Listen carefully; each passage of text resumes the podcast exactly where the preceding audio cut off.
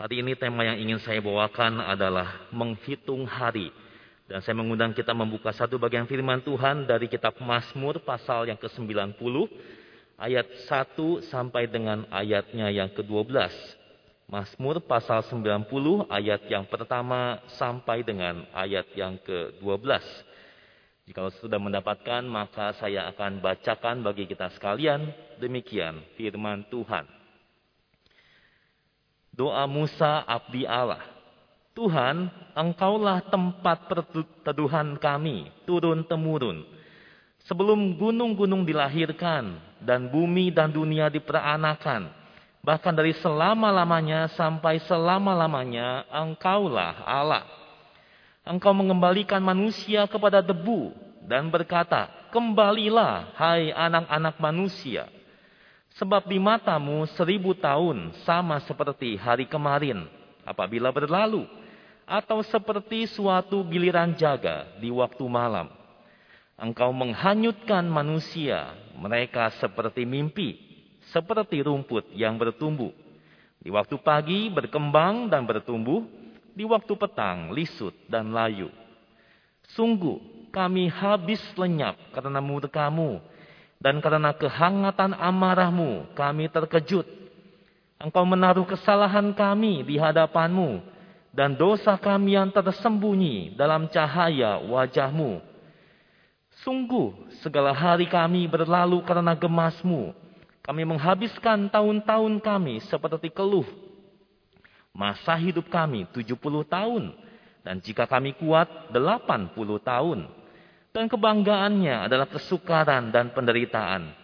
Sebab berlalunya buru-buru dan kami melayang lenyap. Siapakah yang mengenal kekuatan murkamu dan takut kepada gemasmu? Ajarlah kami menghitung hari-hari kami sedemikian. Hingga kami beroleh hati yang bijaksana. Sampai semikian jauh pembacaan firman Tuhan pada hari ini. Setelah pembahasan kita hari ini akan berpusat di ayatnya yang ke-12. Ajarlah kami menghitung hari-hari kami sedemikian hingga kami beroleh hati yang bijaksana. Saudara, apa artinya menghitung hari?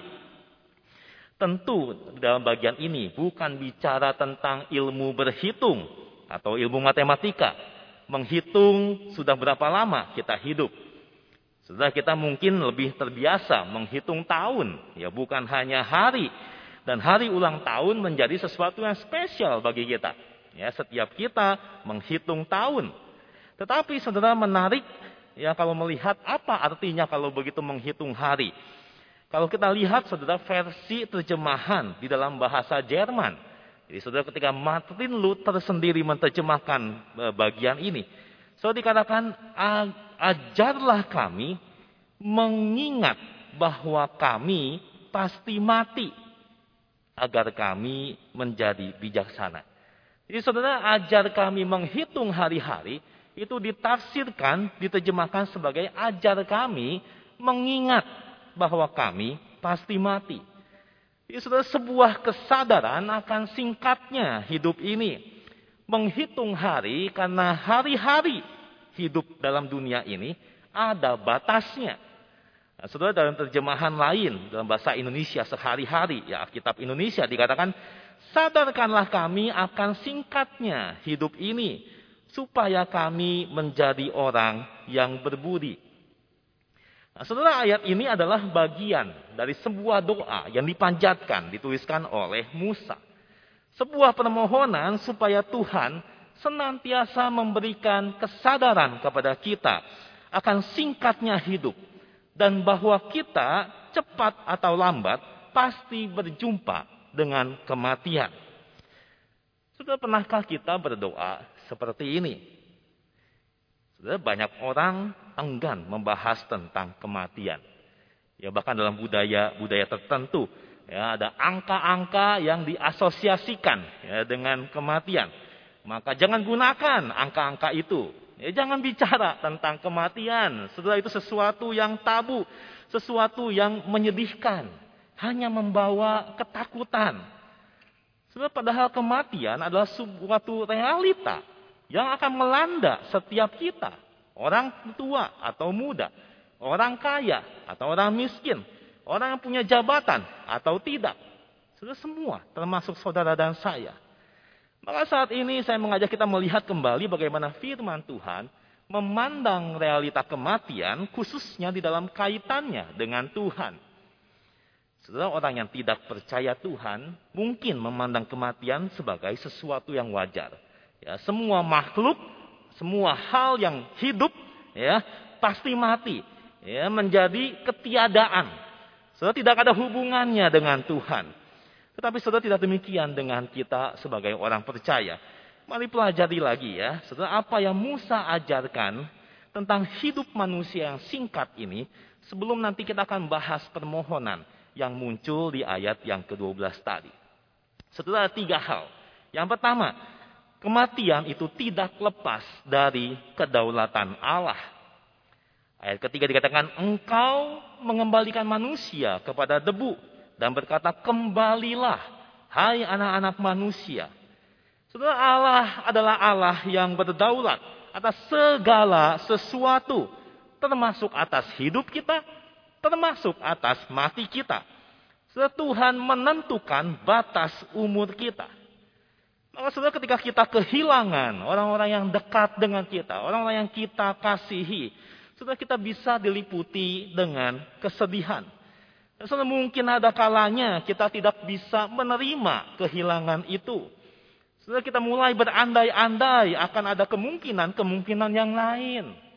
Seandainya saja saya bisa bawa ke dokter lebih cepat, mungkin dia akan tertolong. Seandainya saya bawa ke dokter yang lebih baik, mungkin ada harapan. Seandainya saya tidak izinkan dia pergi hari itu keluar rumah, mungkin dia tidak akan tabrak dan sebagainya dan lain sebagainya. Saudara, kita mulai masuk ke dalam sebuah penyesalan. Kita larut dalam kesedihan yang lebih dalam seandainya kita bertindak lebih cepat, mungkin dia masih selamat. Tetapi saudara Musa mengingatkan bahwa apa pun yang terjadi, bagaimana cara mati seseorang, apa pun juga seperti apa cara meninggal seseorang, waktu kematian ada di dalam tangan Tuhan. Dan kalau sudah Tuhan panggil, tidak ada satupun yang bisa menahan. Maka saudara pemahaman ini akan kedaulatan Tuhan bisa memampukan kita untuk lebih berserah kepada Allah. Belajar menerima kehendaknya. Percaya bahwa keputusannya itu baik dan bijak. Meskipun saat ini kita tidak mengerti. Yang kedua, saudara. Kematian itu menyingkapkan betapa manusia adalah fana. Sementara adalah, adalah kekal. Ayat 4 sampai 6, Saudara Musa memberikan serentetan analogi tentang betapa fananya hidup manusia. Di matamu seribu tahun sama seperti hari kemarin apabila berlalu. Jadi saudara di hadapan Allah yang kekal itu, seribu tahun itu tidak ada artinya. Berlalu begitu cepat sama seperti hari kemarin. Sudah pernah tidak berlalu, e, merasa ya waktu berlalu begitu cepat. Baru hari Minggu lalu, ya baru kita kebaktian mengikuti perjamuan kudus. Eh hari ini sudah minggu lagi. Setelah itulah kira-kira rasanya seribu tahun di mata Tuhan. Atau seperti suatu giliran jaga di waktu malam. Sudah satu giliran jaga itu sekitar 3 sampai 4 jam. Sangat singkat. Ayat 5 memberikan analogi lain tentang kematian. Engkau menghanyutkan manusia. Dalam terjemahan lain, beberapa terjemahan mengatakan, saudara, engkau menghanyutkan manusia seperti oleh banjir yang hebat. Saudara bayangkan peristiwa banjir besar atau misalnya tsunami, saudara ya, tidak ada tanda apa-apa.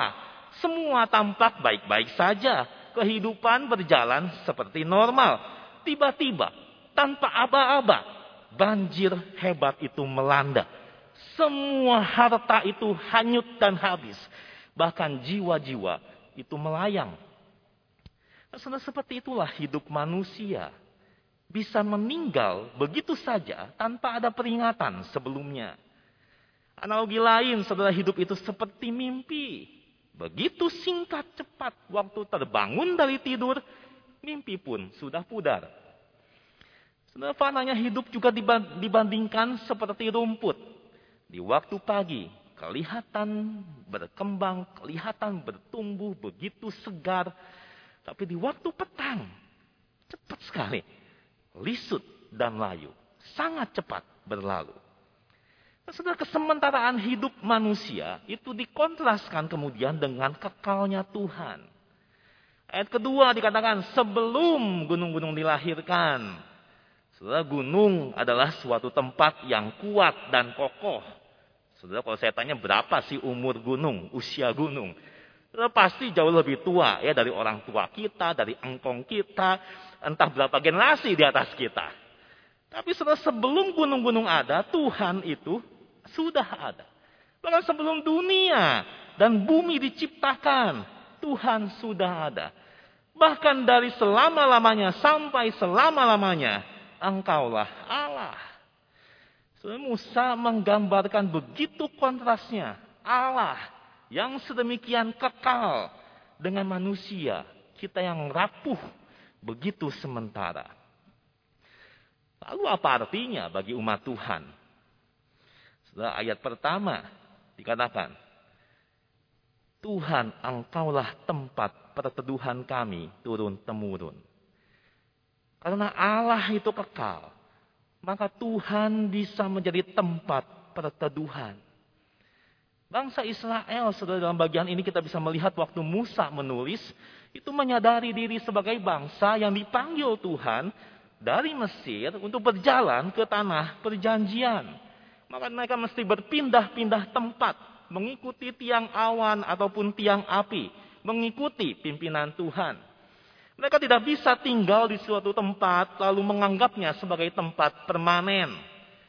Tetapi dalam situasi itu, bagaikan pengembara yang pindah-pindah tempat yang tidak pasti, waktu yang serba tidak pasti, berapa lama mereka masih diam di situ. Setelah mereka melihat Tuhan sebagai tempat perteduhan yang pasti. Tuhan bagi mereka adalah tempat perlindungan yang kuat dan kokoh. Dan saudara bukankah kehidupan bangsa Israel itu sedikit banyak melukiskan kehidupan setiap kita sebagai umat Tuhan. Kita pun adalah pengembara di dalam dunia ini. Dunia ini bukanlah rumah kita yang permanen. Saudara kita ini hanya transit sebentar akan ada saatnya, waktu tiba, kita itu uh, waktunya habis. Setelah itu, kita akan lenyap dari dunia ini. Pertanyaannya, saudara, ke mana kita sesudah mati? Bagi orang-orang di luar Kristus, kematian itu menjadi sesuatu yang mengerikan, menggentarkan. Karena mereka akan memasuki dunia yang sama sekali asing, dunia yang tidak diketahui seperti apa. Tetapi bagi engkau dan saya yang percaya, kematian berarti kembali kepada Allah yang kekal. Tuhan berkata, kembalilah, hai anak-anak manusia. Kematian itu berarti pulang, pulang ke rumah Tuhan yang kekal. Maka saya suka sekali, saudara ya, istilah kita kalau ada pengumuman orang Kristen meninggal, sudah berpulang ke tempat Bapa di sorga. Kematian itu pulang. Yesus berkata, jangan gelisah hatimu. Percayalah kepada Allah, percayalah juga kepadaku. Di rumah Bapakku banyak tempat tinggal. Aku pergi ke situ untuk menyediakan tempat bagimu. Yang ketiga, saudara, kematian mengingatkan kita akan kengerian murka Allah atas manusia berdosa. Sebab firman Tuhan menyingkapkan bahwa Allah adalah kasih. Tetapi bukan hanya kasih, dia juga adalah Allah yang kudus. Sehingga kasihnya, cintanya Tuhan adalah cinta yang kudus.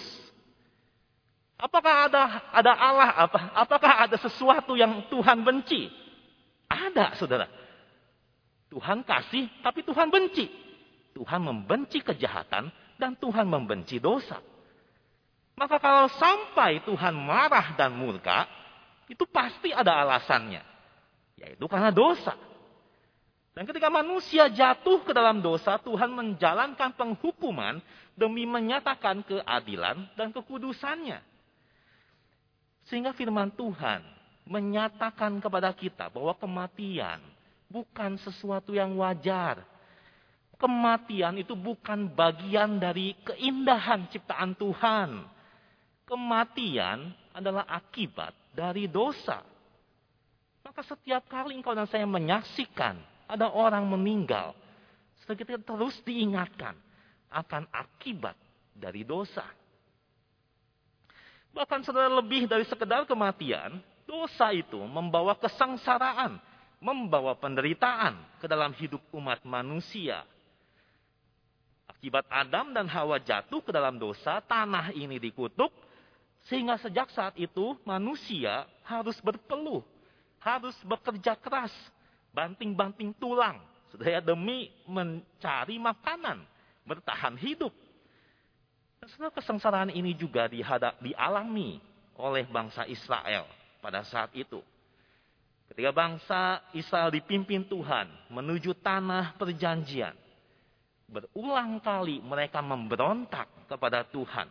Berulang kali mereka tidak taat sampai mereka kemudian dihukum harus berputar di padang gurun selama 40 tahun sampai angkatan mereka habis dan diganti oleh generasi berikutnya.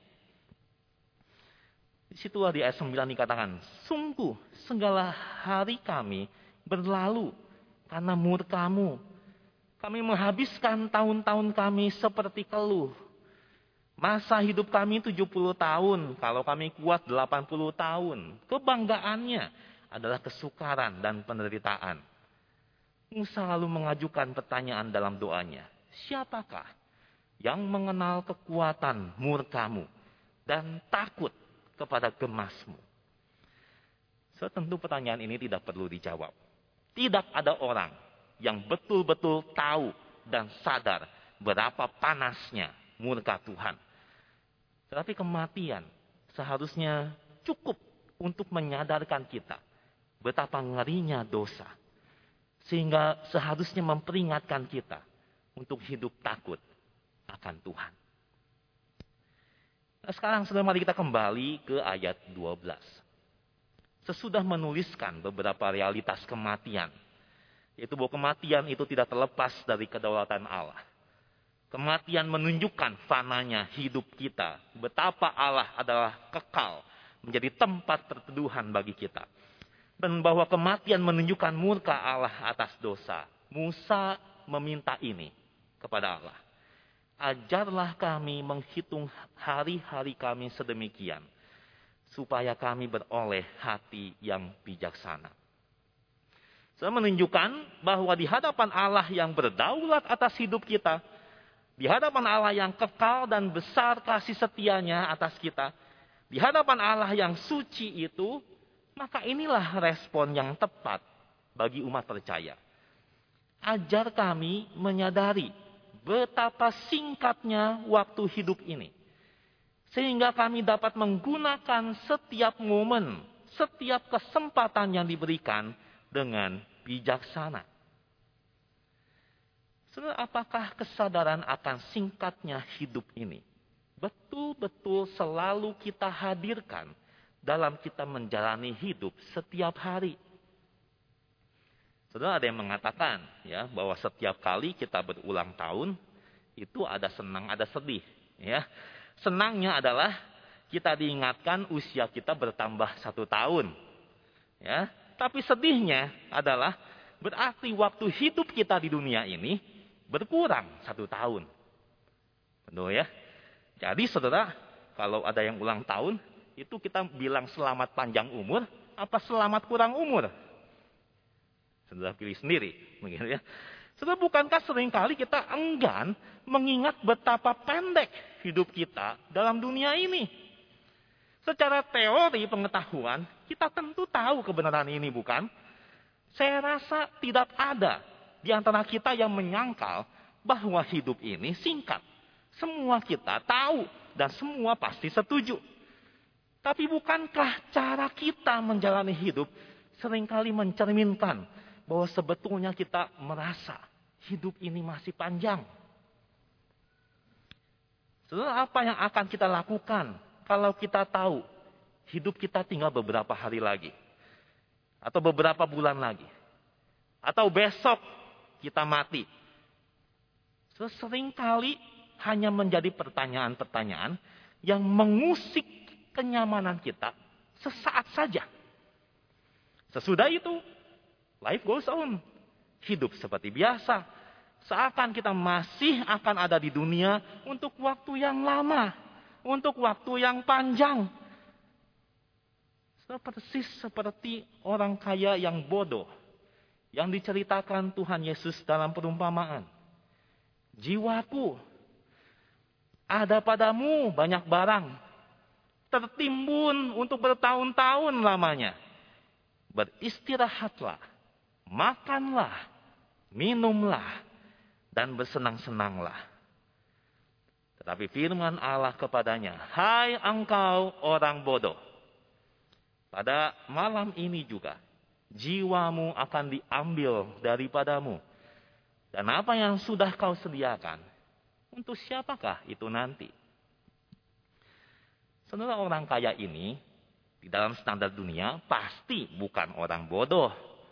Saudara dunia akan memuja dia orang yang sukses.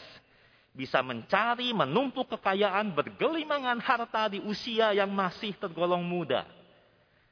Tetapi di hadapan Tuhan, dia orang yang betul-betul bodoh. Karena dia berpikir hidupnya masih panjang. Hidupnya masih lama dan bisa menikmati hasil jerih payahnya. Semari berdoa seperti Musa. Ajar kami Tuhan. Menghitung hari-hari kami sedemikian. Hingga kami beroleh hati yang bijaksana. Rasul Paulus dalam kitab Efesus mengajarkan hal yang senada.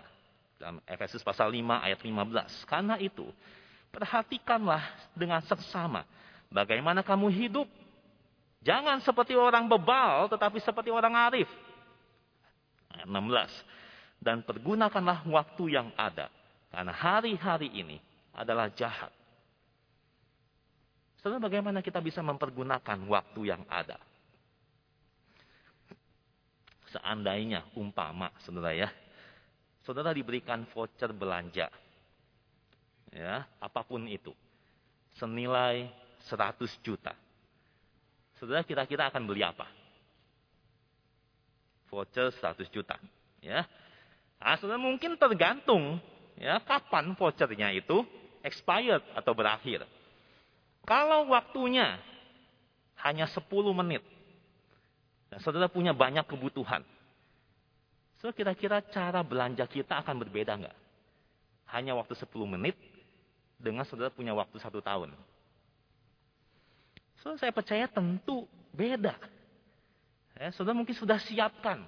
Ya, 10 menit besok tank 10 menit. Apa aja, saudara kita akan pikirkan. Langsung susun prioritas. Gak boleh santai-santai atau menunda-nunda. Karena waktu hanya 10 menit. Dan kita akan beli barang-barang yang paling penting. Yang paling kita butuhkan baru terakhir. Kalau masih ada sisa waktu, yang pernik pernah pernik aja, yang nggak penting. Saya percaya jika kita betul-betul sadar hidup ini singkat, seharusnya kesadaran ini mengubah cara kita menjalani hidup. Kita akan menyusun skala prioritas, kita akan mengejar yang paling penting. Dan kita tidak ada waktu untuk buang-buang waktu. Maka pertanyaannya, apa yang paling penting? Apa yang menjadi prioritas dalam hidup kita? So, Paulus melanjutkan dalam Efesus pasal 5 ayat 17. Sebab itu, janganlah kamu bodoh. Tetapi usahakanlah supaya kamu mengerti kehendak Tuhan. Paulus menasihatkan agar selama kita hidup, usahakanlah sekuat tenaga supaya kita mengerti apa yang menjadi kehendak Tuhan dan kita lakukan. Saudara Yesus sendiri mengatakan, makananku ialah melakukan kehendak dia yang mengutus aku dan menyelesaikan pekerjaannya. Di bagian lain Yesus berkata, kita harus mengerjakan pekerjaan dia yang mengutus aku selama masih siang. Akan datang malam di mana tidak ada seorang pun yang dapat bekerja. Selama masih siang, kerjakan apa yang menjadi kehendak Tuhan. Akan datang malam, yaitu ketika kita meninggal. Tidak ada seorang pun yang bisa bekerja. Setelah apakah kita sedang melakukan kehendak Allah dalam hidup yang sementara ini? Seberapa sering kita menggumuli kehendaknya? dalam hidup yang singkat ini. Saudara, meskipun mungkin sebagian dari saudara sudah berusia lanjut, sudah pensiun, dikatakan tidak ada produktif. Saudara mungkin merasa hanya menunggu waktunya tiba. Saudara jangan salah, selama Tuhan belum panggil kita, berarti ada kehendak Tuhan yang ingin engkau dan saya kerjakan. Apakah kita menggumulinya di hadapan Tuhan? Mari minta Tuhan mampukan kita mengerjakan hal-hal yang bernilai kekal. Dan saya saudara ingin menutup renungan kita ini dengan dua contoh, ya, dua ilustrasi. Yang pertama saudara seorang tokoh Kristen di abad ke-18 bernama Jonathan Edwards.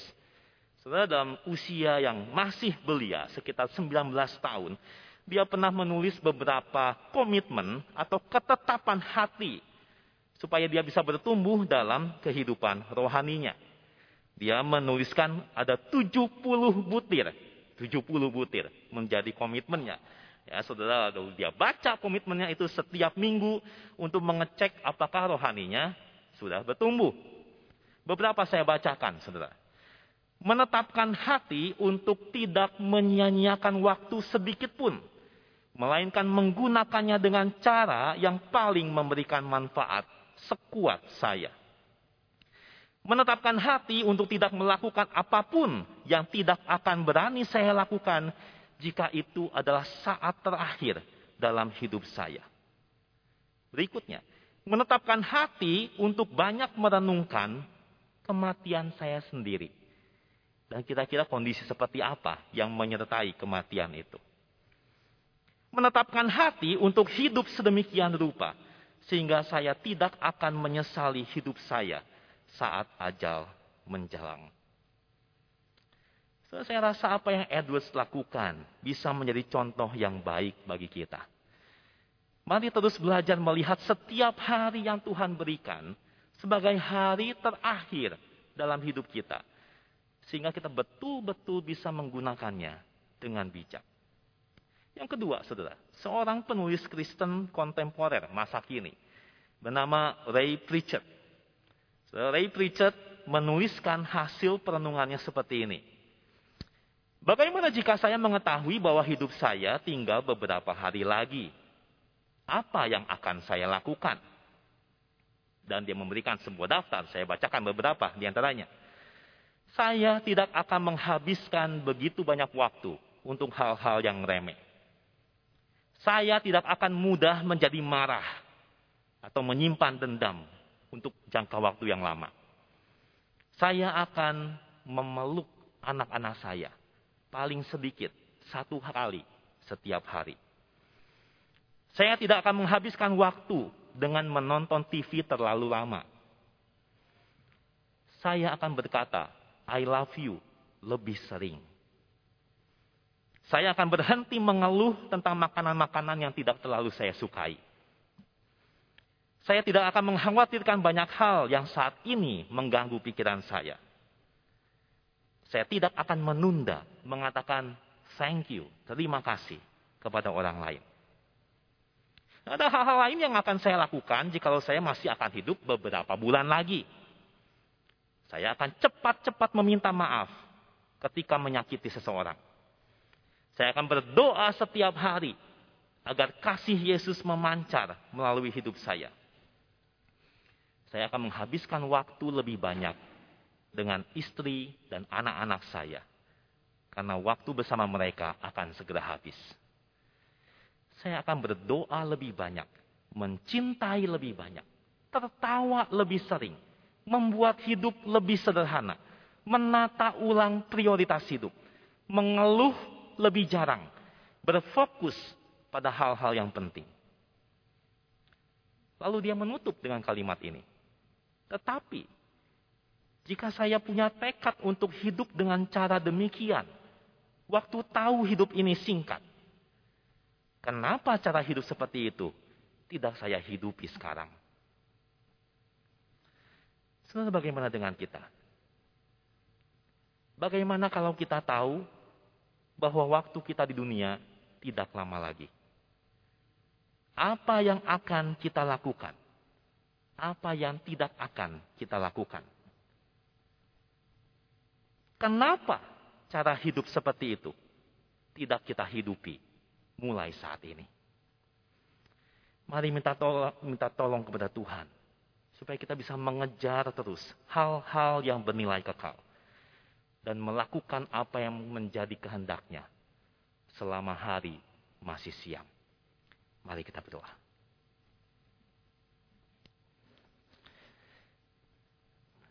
Tuhan, bila saat ini kami merenungkan firman Tuhan di hadapan-Mu, merefleksikan apa yang sudah kami dengar. Tuhan, tolong supaya kami boleh berdoa seperti Musa berdoa.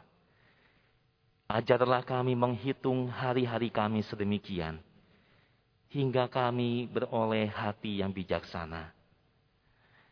Tolong Tuhan supaya kami boleh terus membawa kesadaran singkatnya hidup ini dalam hidup kami setiap hari. Ampunilah jikalau kami sering merasa hidup kami akan panjang, hidup kami akan lama. Kami banyak sekali melakukan mungkin hal-hal yang tidak penting. Hal-hal yang hanya menjadi kehendak, ambisi, cita-cita kami. Dan mungkin kami jarang sekali bertanya, Tuhan, apa yang menjadi kehendakmu yang ingin kami lakukan. Tolong Tuhan, biarlah kami bersyukur karena kami memiliki Allah yang kekal. Allah yang ketika kami nanti meninggalkan dunia ini, kami boleh pulang ke rumah Tuhan berjumpa dengan Allah pencipta dan juru selamat kami, berjumpa dengan orang-orang yang mungkin kami kasihi yang saat ini sudah tidak bersama dengan kami. Itulah harapan kami, itulah kerinduan kami. Tetapi Tuhan selama hari masih siang, tolong supaya kami boleh mengerti kehendakmu. Kami boleh melakukannya dalam hidup kami. Supaya kami betul-betul mempersembahkan hati yang bijaksana.